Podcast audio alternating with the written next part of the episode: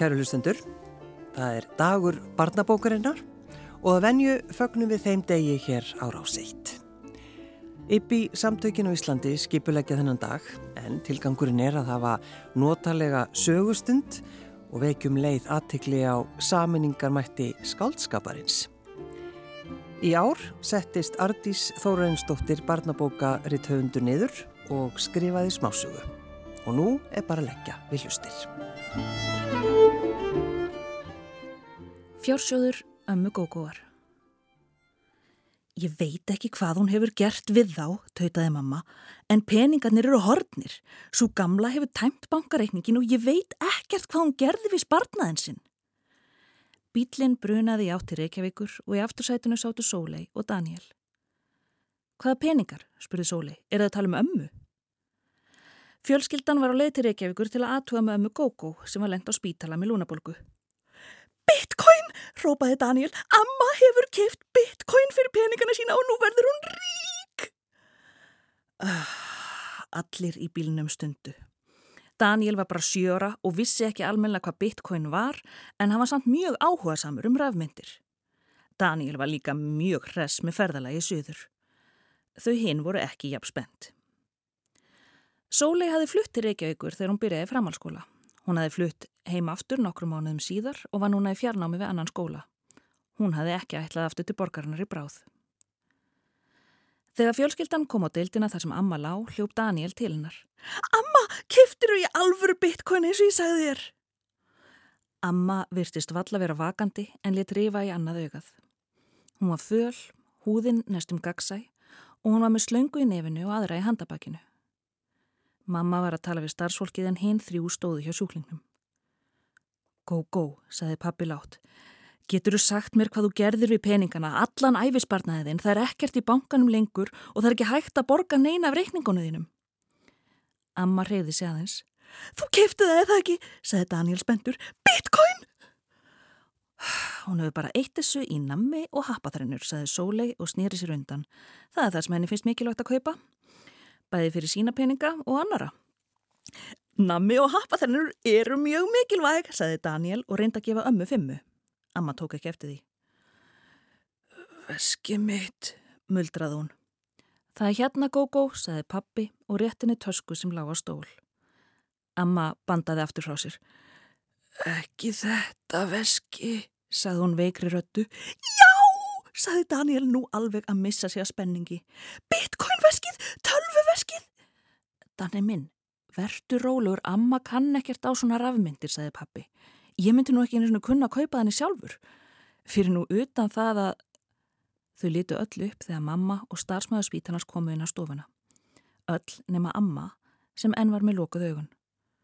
Og hvað á ég að gera, spurði mamma mannin. Allir bankareikningarnir hann eru tómir og hún getur ekki borga leiguna og missir þessuna bráðum íbúðina sína.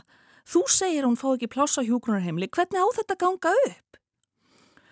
Uh, í svona tilfellum flytur fólk oft heim til ættingja, sagði maðurinn. Sólei og pappi litu hvort og annað og Sólei herti saman varinnar. Daniel skoppaði undan Sólei áttað íbúð ömmu gókuar. Það er orðið svo langt sem við komum síðast í heimsókn. Þetta er ekki, amma er ekki heima, saði Sóli og pýrði augun í regningunni. Við hefum bara sækja fyrir hann að tampust á Sóli að hafa á spítalanum og leitað öllum peningunum. Danni, Sóli stundi, við erum ekki að fara að finna neina peninga. Júts, saði Daniel, eða sko, við finnum þá ekki nema við leitum og nú erum við með leikil og getum bjargað öllu. Pælti því hvað amma verður glöð. Ég held nú að mamma erði glöðast á öllum ef við fyndum fullt af peningum, sagði Sóli. Þá þurfti amma ekki að flytja heim til okkar.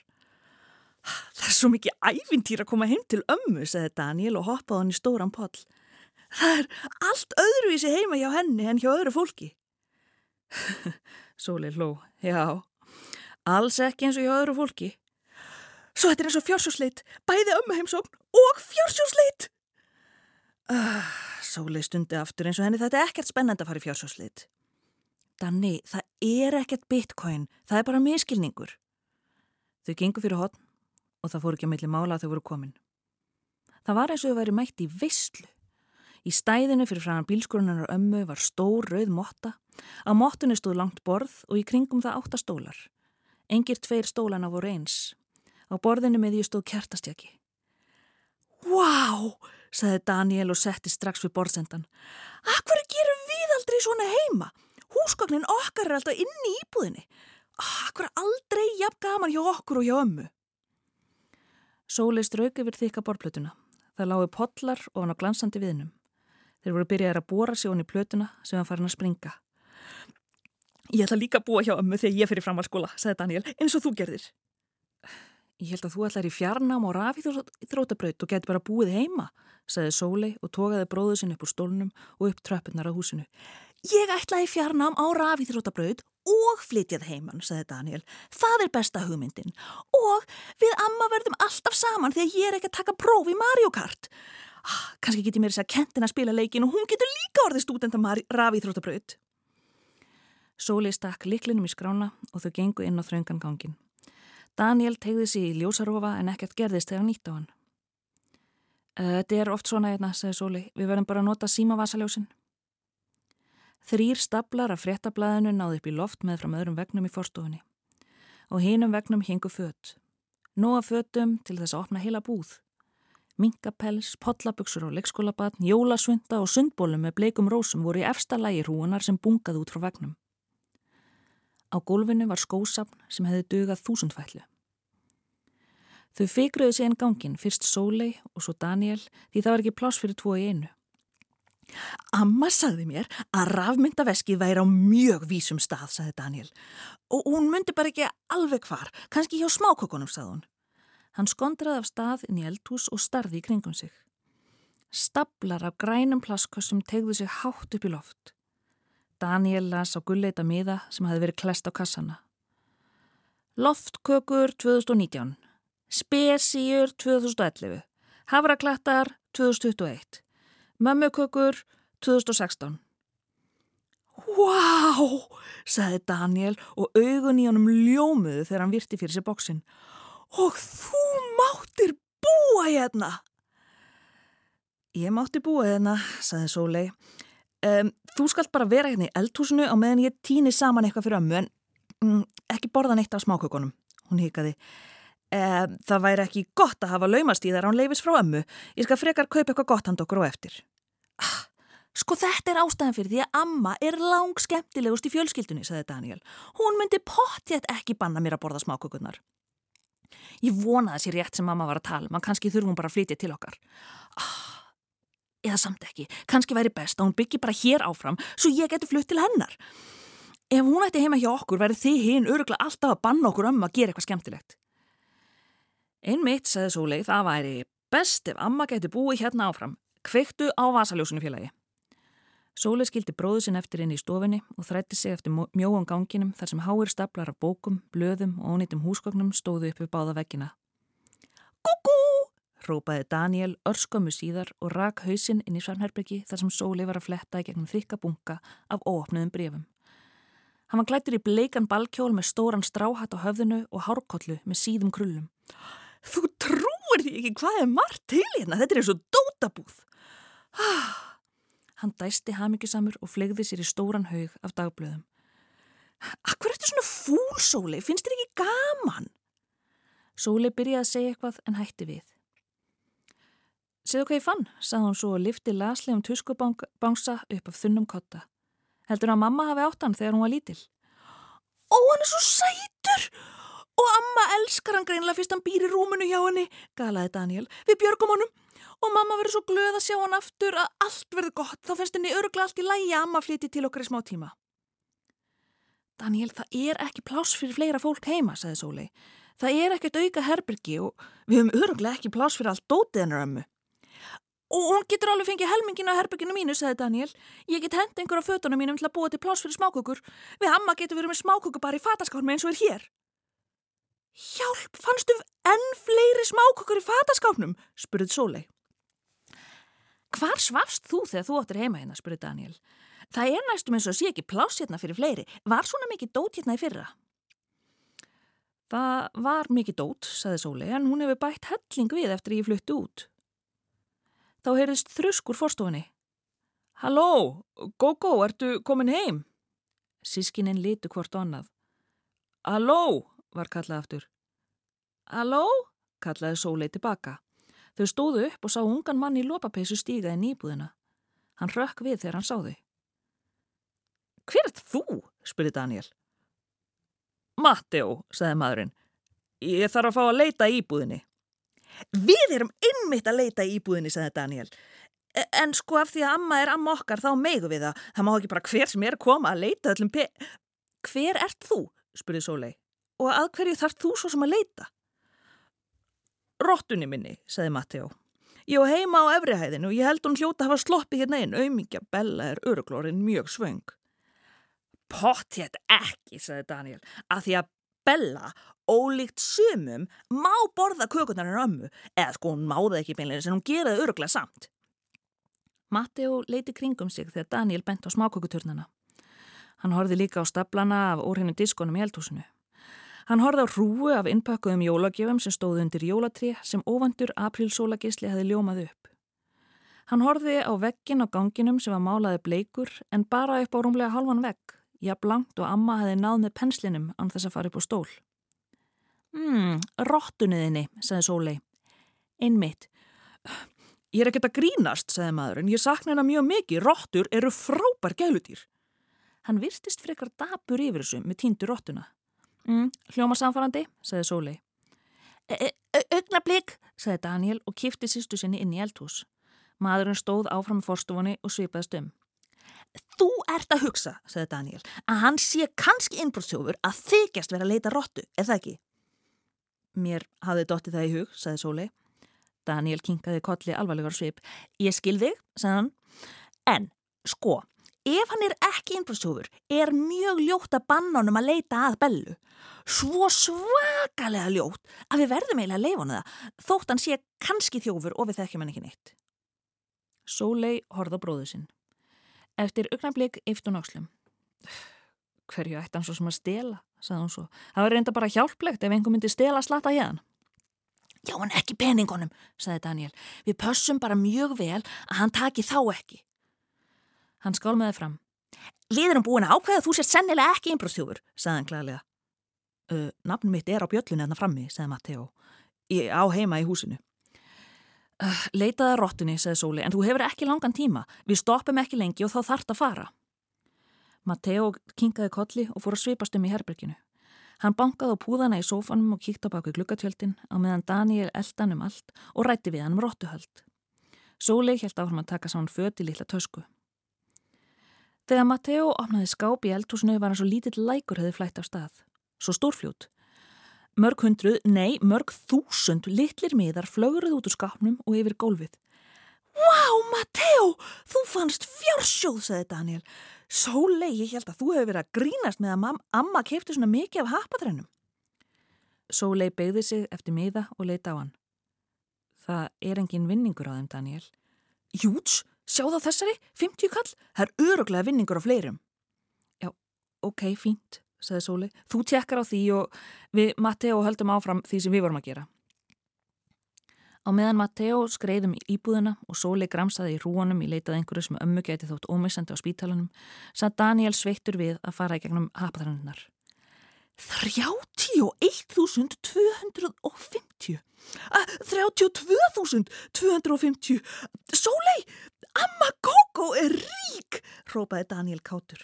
Hann var búin að flokka miðana í tvo hauga. Skafa miðana sem voru með vinningi og þá sem voru ekki með neinu vinningi. Sittni hrúan fylgti núna hálfan sófan hennar ömmu. Danni, sagði Sóli. Og þú sem helst bara amma væri í rugglinu. Símin hennar Sóli að ringdi og hún greip hann til þess að svara. Hæ mamma, já, jú, einmitt, ok, sjáumst. Hún sleitt símtalinu og leita bróðu sinn sem satt á gólfinu umkringdur hapaþrænunum. Við þurfum að drífa okkur, við höfum að hitta mamma og pappa á spítalanum. Ég ætla bara að sækja tampustanarnar ömmu og svo drífu okkur. Fínt, saði Daniel um leið og sýstir hans helt út gangin með símali og sögulofti. Ég verð hapaþrennustjórin. Vá hvað mamma og pappi verða glöð. Matteo, rópaði Sólei innan að baðherbygginu svo Daniel rökki kút. Eh, Matteo, ég er búin að finna Bellu. Daniel rauk á fætur og flýtti sér að vera undan Matteo inn á bað. Sólei stóð graf kyrr og horðist í augu við brúna róttu sem stóði styrstubátnunum. Matteo kom æðandi á eftir Daniel en snar stoppaði fyrir aftan Sólegu. Bella mín, kvíslaði hann, er hvít. Ha, hvað meinaru? Er þetta ekki Bella? spurði Sólei og snýr sér við. Svo leit hún aftur á róttuna. Andskotin, muldraði hún látt og þau bökkuðu öll þrjú út af baðherbyrginu. Hún lokaði hurðinni. Ég held að við kaupum bara nýjan tampusta handa ömmu, sagði hún svo. Þegar Daniel, Sólei og Matteo voru öll farin var þögn í íbúðinni. Í sólargísla sem barst inn um kámuðan eldúsglugga lág litli tuskubánsinn sem mamma hafi átt þegar hún var lítil. Innum rifi á maganum máttu koma auga á hotnið á glansandi plastikki. Kvítrotta lætti stundan eldavílinni og skemaði í kringum sig áður hún hætti sér út á gólfið. Hún hnusaði svo litið að bánsanum, beit svo í aðra löppin á honum og byrjaði að draga hann inn í bælið sitt. Ef hún myndi tæta niður, gæti hann orðið ágætt rúm, hugsaði hún með sér. Við aðfarinnar mjakaðist plastikkið enn lengra út um rifuna. En svo styrnaði rottan og sperti eirun. Björt rött barst inn um ofin glukkan. Bánsin hennar mömmu hlýtur af að dottið úr bakpókana mínum. Andataki síðar var hurðinni rundið upp. Stopp, var veinað. Láttu bánsin hennar mömmu minna vera að glæpa rottaðín. Gólaði Daniel að hann greip bánsan og faðmaði hann að sér. Sólei byrtist fyrir aftanan og rottan Bella lagði á flótta undir eldavélina. Um leið datt plastikkið út úr magabánsans og í gólfið. Sískininn störð á kuppin og svo hvort á annað. Á stykkinu var miði þar sem skrifað hafi verið með skjálfandi hendi. Mikilvægt, likilorð, sólei, punktur, 2023, punktur, framtíð. Sólei, saði Daniel látt um leið og hann rétti sýstu sinni bánsan og beigði sér niður. Sjáðu, það var satt. Þetta er bitcoinverskið, sjáðu, ég sagði þér það, ég sagði ykkur öllu það, nú verður allt í lægi. Sólei starði á rafmyndarveskið og á kræklót likilorðið. Hún krefti hendurnar um gamla bánsan úr rúmunennar ömmu, elskaðan og snjáðan. Takk fyrir að lesa þessa smásögu Ardís Þóraðinsdóttir. Um, sko þegar maður fær svona verkefni að, að semja sögu mhm. fyrir allan hennan fjölda, Já. hvernig, sko, hvernig, hvernig stellingar setur maður sig? Þetta er náttúrulega, ég er líka ómögulegt verkefni en uh, á endanum þá þarf maður bara að reyna að segja sögu sem að bæði, sem að kannski virkar á um, nokkrum lögum þannig að það var það sem ég lagði upp með með þessa sögu að hérna, ég fór að hugsa hvað hva, hvaða þættir hafa þann, þannig eiginleika að maður lesa á mismunandi hátt eftir hvað maður er gamal og ég fór að hugsa um Línu Langsokk. Og, uh, og náttúrulega fór ég að hugsa um frú Prúsulín oh, sem allir muna já, og þekka Já, og vandin er að þegar við lesum Línu Langsokk þá höldum við að hérna, við séum lína en við erum eiginlega öll frú Prúsulín það við erum alltaf að reyna og við þurfum svolítið að vera frú Prúsulín sko. við, það þarf að hérna, halda öllu gangandi. Og, uh, svo ég fór já, það var svona það sem ég byrjaði með að hérna, uh, hugsa hvernig eftir þessi við eldumst þá, hérna, þá, þá þróskast með þessi partur af okkur sem finnst að þetta bara gangi ekki með þessa línu langsokk. Hérna, býr þarna einu og engin ægi á neinu og þú veist það þarf eitthvað að grípa enni já, já, já, já. Af því að já, börnin lesa hluti öðruvísi heldur en fullornir þannig að það, uh, svona út frá þeim hugleðingum var sagan um ömmu gógó til að hérna, það sem að barninu finnst uh, spennandi og æfintýralegt það lesu við aðeins öðruvísi með aldrinu Já, já ef við kannski byrjum aðeins það er svolítið skemmtilegt að því þetta er dagur barnabókarinnar við erum að halda upp á hann og, og þegar maður les fréttatilkynninguna frá Ippi Já Eh, sem var skrifið bara 2011 þá er þú, senst að þú varst formaður semst, yppi á þessum tíma þegar þetta byrjar Já, verða. Ég... Þannig að þú ert búin að fara núna svolítið skemmtilegan ring og ertu búin að loka hún semst núna þá? Já, ég er búin að loka hún núna. Já. Það eru núna orðin allmörg ár síðan ég hætti stjórnipi og hérna eftir mörg stórkurslega ár, þetta er indislegt félag sem að hérna bara uh, gengur út á að glæðjast yfir barnabókum og hérna gefur út tímaritt og hérna heldur málþing og bókakaffi og ráðstefnur og með hérna, tilnæmni til veluna og veiti viðkenningar og þannig að þetta er bara hverjast engungu um gleðina Já. og hérna þannig að það var mjög gaman að vera í stjórnipi og um, og þessi hugssjón upp í samtakana sem að þau eru stopnið sem sett upp úr setna stríði utanum það að barnabækur saminni fólk, að það er sögurnar sem við lesum sem börn, það er hérna, lifa einra með okkur, það er búa til sameinlegan reynsluheim sem við getum alltaf leitað í. Og það finnst mér ofsalega fallið hugssjón, þannig að yppi til dæmis er alltaf mætt þar sem að eru einhverjar hörmungar eða eru uh, stríðið að náttúruhanfarið eða eitthvað, þá er mætir yppi á staðin með bækur, af því að bækur líka þegar við erum í erfiðum aðstæðum þá eru bækur svo mikið bjargráð, þær, þær eru flótti og þær eru skjól.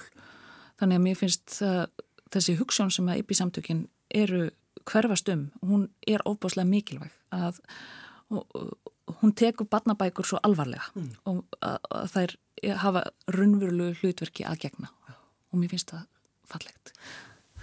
Þannig ég gluði að vera komin að ringin í hérna. Já, komin hennar góða ring. Já. Já, það, ég mitt, þeir voru stopnud bara eftir, eftir setni heimsturöldi. Já. Já. Það er... Hugsaða pælinguna og bara og, að, þetta, að þau skulle hafi gert þetta. Já, og þetta náttúrulega, og við á Íslandi erum auðvitað svo fjarlæg þessum stríðsátökum en ástandið í Evrópu var náttúrulega mjög undarlegt að þessir miklu nágrannar hérna og, hérna, og frændþjóðir hafi verið sitt hverju megin og við þessar átakalínur og það, það, það þurfti að græða þau sár á svo margvíslegan móta og þetta var ein leið. Mjög fallegt. Fyrsta bókin sem þú skrifar Andís, hvaða bók var það? Heyrðu, hún heitir Játningar mjölkufyrtinskálds sem var mjög góðu titill 2011 þegar hún kom út en af því að hún átt að fjalla um stelpu sem var svo uh, góðu prúð að hún byrti mér sér ljóð á mjölkufyrtinum en um það leiti sem bókin kom út þá hættu ljóð grunnskólabarna byrtast á mjölkufyrtinum þannig að titillin hefur verið gjörsanlega óskiljanlegur frá útgafu Já, já, já, já. En... og þú veist bara við að því erum að tala um svona rivið upp svona hluti eins og til dæmis einmitt þessi ljóð já. sem voru á mjölkufyrtinum voru svo dásamleg. Já, og og dásanlegt fyrir krakka að sjá hérna, jafnaldar sína verið að skrifa og eiga hérna kost á því að uh, gefa sjálf út hérna texta sem komist heldur betur mikla dreifingu og voru lesin yfir öllum sírjáskálum landsins. Það er eftir sjá þessu. Og, og ég og Játninga Mjölkufjörnskálst Uh, myndum gleiðjast mjög ef að hérna, einhverjir aðstendendur hérna, mjölkuframlegenda tæki þetta til sín að taka upp á þessu aftur en, en hvernig er svo þróunin hjá þeirardi sem sko ríttöfundur? Hvenar ferðu uh, að starfa sér ríttöfundur? Ég er búin að 2018 þá um, kemur út bók sem heitir Nærbúsnavesmiðan sem að uh, ég skrifaði og segmundur Breiðfjörð uh, Þorgesson tegnaði myndirnari mm. þá hún var fyrsta bóka þremur og síðan þá er ég svona búin að vera að þessu hérna uh, að, bara af heilum hug Já, skrifaru einu bóka ári? Svona hér um byll, já, já. stundur núlega mm. Vartu vel skipilöð? Mér finnst allt svo gamla að vita hvernig svona, já hvernig rítu hundar vinna? Já, nei, alls ekki Nei, ég, alls ekki Já, og ég er alltaf uh, ég skil ekki ennþá alveg hvernig maður gerir býrt bók. Ég, og ég, ég er alltaf mjög vantrúið á að það muni verða bók. En svo kemur bók. Þannig að þetta er einhver svona alkemía sem ég hef ekki alveg náðið utan með þá en það kemur bók. Eh, vinnur heima eða? Já, ég með lilla skrifstóð heima já, já. Hérna, hef ekki einbyttingu í, hérna, í að vera innan um annað fólk og hérna og stóðkerum mitt vil góðan stól og hérna á stóran tölvskjá Fannst þér að sko góð tilfinning þegar þannig að 2018 þegar þú gerir þig grein fyrir að, að bara þú getur, ég bara, veist, ég ætla að vinna við þetta, ég, ég ætla bara þetta ætla ég að gera. Já, nei, það var svona svolítil tilvíljun, ég bara uh, hætti í vinnunum minni af því ég var hérna uh, ég er með liðagikt þannig ég gati ekki unnið lengur mm. við hérna uh, venjulega vinnu. Þannig ég um, ég veit ekki hvort ég hefði tekið stökkið ef að ég hefði tekið ákvörðuna en ákvörðuna var svolítið tekinn fyrir mig já, og þetta er starf sem ég, oft, sko. það gerist stundum þannig að ég uh, ákvörðun uh, já, varð svona og hérna þetta er vinna sem ég get unnið hérna með mína takmarkanir mm. mm. ég er mjög fegin því að hafa haft það upp á hlaupa Hvaða bækur voru svona uppvaldi þegar þú varst uh, að lesa barna og ungabækur? Ó, ég las allt. Ég, og eitt af það sem er svo skemmtilegt við að hérna, uh, vera barnabókahöfundur er að þú veist, kynnast fólki sem að ég las þegar ég var lítil, þú veist, ég verði ennþá bara feimin ef ég hitti hérna Sigruna Eldjarn í grammelskælinum og við heilsumst, ég bara þetta var Sigruna Eldjarn og hún heilsaði mér. Og þú veist Þorgrumi Þráhansson og ég tíu ára þegar Gunnar Helgason byrjar að skrifa og hérna þannig ég las hann jafnóðum og hérna þannig að finnst það ofsalega gaman og gefandi að hérna uh, þessir íslensku höfundur og ég las auðvitað, ég las allt og, og líka mikið auðvitað þýðingum, nærnýjubækurnar og hérna, og einnig blætun og hérna mm. allt saman bara. Já, þegar þú sko, að því eh, einmitt einnig blætun bækurnar, bara þegar þú heldur á henni, ef mm. þú sér þann einhver starf, tekur og flettir henni, hvernig svona, hvernig er tilfinningin? Ég ætla að segja líkil atrið að, að fletta ekki of mikið, þú Nei. veist, á fullorðsárum. það er svo oft verið að tala um þessa bækur einmitt, að því að við erum bara Það var allir lesið þetta? Já. Ekki finnst... núna síðustu? Nei. Það var að segja? 30? Eitthvað svo leiðis, já. Eða ég veit ekki. En hérna, en, en tilfinningin er búin góð og minningin að því að mér finnst lestra minningin er svo góð og það var svo mikið öryggið, þú veist að byrja á hérna nýri ráðgóttubók og þú vissir alveg að hverju gegst og það voru margar eftir og næst þegar maður fór á bókamarkaðin þá gæti maður fundið fleiri og svo var kannski einhver til á bókasafninu sem var, þú veist, þetta er bara ég, mér verður hlýtt innra með mér til þessuna mm. mm. Einmitt, og ég hugsa ekkert minningin er tengt lestrinum en ekki í rauninni bókonum sem nei, nei, nei, nei, heldur bara þetta að sitja já, og lesa. Já, hverfa enn í einhverja bók. Það er náttúrulega svo það er svo notalegt. Já.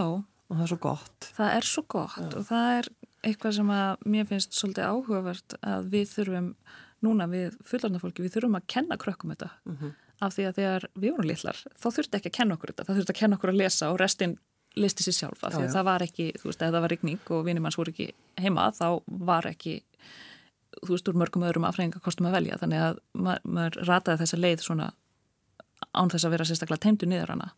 En núna þurfum við að kenna krökkunum okkar, okkar þetta og þau munu alveg þau læra það mm. ef við hérna sínum þeim og ef þau sjá okkur lesa.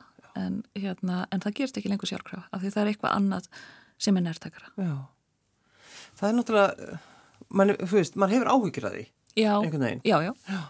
að því að leskilningurinn þetta er svo mikilvægur að hérna og, og það gerist ekki nema uh, með indislestrinum að maður komist svona djúft inn í tungumálið og, og rítmálið og það er svo, maður er svo bjargalög sem maður getur ekki tjáð sig líka, mm. tjáð hugsanir sínar sjálfur. Þa, þá verður maður að hafa þessi tökutungumálunu og þannig að, jú, auðvitað mér finnst það áhugjefni að lestur séu undanhaldi. Og ég held líka að við erum auðvitað að koma staði að hvað uh, skjáneislan þú veist, hún hefur, það verður mikil bilding á svo stuttum tíma að það eru auðvitað langt sér frá fullur ansakað hvaða áhrif það hefur á okkur. Að hérna, sérstaklega þegar við erum lítil þetta stanslösa flæði af alls konar. Mm. það, það hlýtur að hafa áhrif Það komi frétti núna bara uh, í gærhaldi eða fyrir dag uh, með bókina í Nordís, Kollnís tilnæmt til barna og líka bókmyndaveluna Norrlandaras Jú. Hvernig var, já, hvernig var þið við? Bráðir Já, já, mér, ég taldi ekki að það væri inn í myndinni, þannig að já, mér brá, og, en auðvitað er ég glöð og hérna er byrjuð að lesa hinnar til endur bækunar, það, mér finnst það svo skemmtilegt að hérna, það er alltaf fáanlegar í Norrannahúsinu. Og hvað er þetta? Þú ert að keppa sem sagt við hvað marga? Ó, það man ég ekki. Við Rán Flýring erum fyrir Ísland og Já. hún fyrir bókina Eldgós sem er stórgóðslega og allir hægt að lesa. Já, Og hérna, um, og ég, þetta er eitthvað í kringum 15 bækur. Það eru, sumarþjóðurnar eru með tvær bækur og minni málsvæðin eins og Grænland færiðar hérna Álandsegjar og samíska málsvæðið er bara með einu ámann. En stóru Norrlanda þjóðurnar eins og við. eins og Ísland, risastór.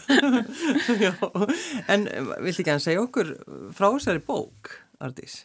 Já, um, Kollnís er saga um uh, strák sem að uh, heitir Álfur og er uh, hann er fimmleika strákur, býr í Kópói og sagan fjallar um það þegar að yngri bróður hans uh, uh, greinist einhverfur og Álfur á erfitt með að höndla það. Hann á líka erfitt með að höndla það að móðusistur hans og mammans eru ekki í neinum samskiptum. Þannig að þetta er svona saga um það svolítið að verða fullorðin að hérna, þurfa að uh, átta sig á að heimurinn er svolítið flóknari heldur en maður heldur. Það er svo leðilegt þegar maður uppgötu það. Ég veit að, en það er líka svolítið skemmtilegt og það sem er skemmtilegt við að tala um það í barnabók er að þegar maður er á þessum aldri þá finnst manni það svolítið eins og lindamál þegar að tala um það að hérna, það er verið að treysta manni fyrir einhver svona fullorðins sem að maður, maður kannski grunaði að væri þarna en var ekki alveg viss hvernig lægi og það, er, finnst mér kýtlandi að skrifa um eitthvað svona í barnabækur af því að það er svona maður fer svona svolítið á, hérna, á trúnó með lesandalum mm. hérna, heimurinn er bara óskum flókinstundum Já, þannig að við erum að fylgjast með uh, söguheitjunni. Já, sem þarf að hann sem álfur, já, já. að þarf að komast á fimmleikamótið og hérna og laumast hitta frængu sína og sanna það fyrir fóldrum sínum og öllum hinum að það sé ekkert að litla bróður takk, Já, það er svo leiðis. Já. leyndamál. Viltu að, að fullorðna fólki, að, að fullorðin lesendur, að þeir séu, já þeir elski bækuna þeina líka eða hvað? Það er mikilvægt fyrir það bara að við hugsun bara um fóreldra? Já, nei, eða sko já eða nei, ég er bara kannski alltaf að skrifa bækur sem að mér finnast skemmtilegar og ég er fullorinn lesandi þannig að þýleiti er ég alltaf að reyna að hafa til allavega eins fullorins lesanda Já, já, já. Það en, uh, en og að einhverju leiti er ég bara að reyna að skrifa góða bók sem ég vona að höfði þú veist, sem n- nær einhverjum markmiðin sem ég set mér. En auðvitað eru barnabækur fyrst og fremst skrifaðar fyrir börn. Að, hérna, og það er ekkert skemmtilegt ef barnabók er að daðra við fullorna lesendur þú veist, það er leiðilegt þegar maður er barn að lesa þannig barnabók. Og mér langar ekki að skrifa bækur sem eru leiðilega fyrir barn. Það er bara alls ekki, það er bara bannað. En hvaða þýðingu hefur þetta að vera, svona, vera tilnefndur, Ardís? ein, að einhverju liti finnst mér mikilvægt að hafi ekki of mikla þýðingu, að velta sér ekki of mikið upp úr uh, svona viðtökum en að einhverju öðru liti er það auðvitað ósalega mikil gleði og, og stolt að hérna að einhver dómnefnd hafi lesið fullt af bókum og ákveðið að þessi höfðaði til þeirra.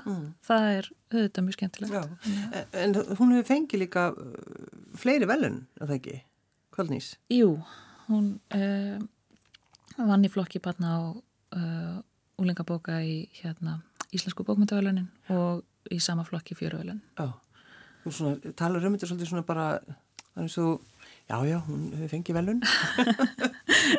Þannig að þú ert ekkit rosalega mikið einhvern veginn að velta þér upp úr því. Það Ég held- óþægilegt að tala um þetta? Mér, mér finnst aðeins óþægilegt að tala um þetta, já, en hérna, uh, ég held líka að ef maður, mér finnst þetta alveg vandræta, sko, að hérna, velta sér ómikið upp úr því, ég held að það sé ekki kannski skemmtilegasta fólkið Nei, sem að, sem að gera það. nei, alveg, einmitt, alls ekki vera mondin. Helst ekki. Helst ekki. en þú, eh, sem sagt, skrifaði þessa, þessa litlu sögu fyrir eh, alla sem lögðu við hlustir í dag. Já, Og það er náttúrulega alltaf svolítið góð tilfinning að- sjá fyrir sér allan hópinn Já. hlusta. Já, ég vona bara hérna að þessi sískinni og amma þeirra hérna ná til einhverja. Hvað ert að skrifa núna, Artís? Ég er að skrifa bók sem að, ég veit ekki alveg hvað heitir en þá, en ég er að skrifa hana með bestu vingurum minni sem heitir Hulda Sigrun Bjarnatóttir. Við skrifum saman blokkin á heimsenda mhm. fyrir uh -huh. þreymir árum og þessi kemur út í hust. Já. Og hérna, það er, við erum á skemmtilega staðnum þar sem þetta er alltaf koma saman en, en það vomir ennþá yfir ógnin sko um það munum við klúra þessu. Það er, hérna... Já.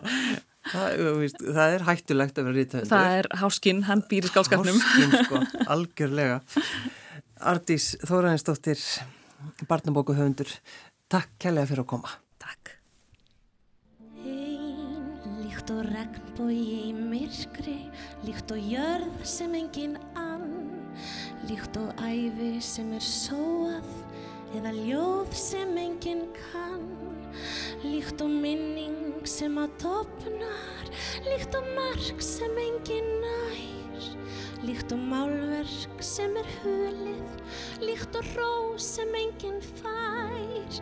Líkt og ljós sem hefur sloknað líkt og leið sem engin fer. Líkt og leindarmál sem gleimist líkt og nafn sem engin sitju yfir gefin hér. Ég er ein með sjálfri mér. Líkt og tár sem hefur hörfað fyrir heitlaríkri frétt. Líkt og hugssjón sem er fölnuð eða laust sem ekki er rétt Líkt og fárviðri sem slótar eða feilnóta í lján Líkt og fjall sem engum skýlir eða mjölkur ferna tón Líkt og stef sem engin leikur eða líf sem engin ver. Líkt og lofórð sem er svikið eða sorg sem engin gefin hér ég er ein með sjálfri mér. Ég man óteljandi nætur ég man óslökkvandi þrá. Ég man óstöðvandi hjörtu sem um eilið vildu slá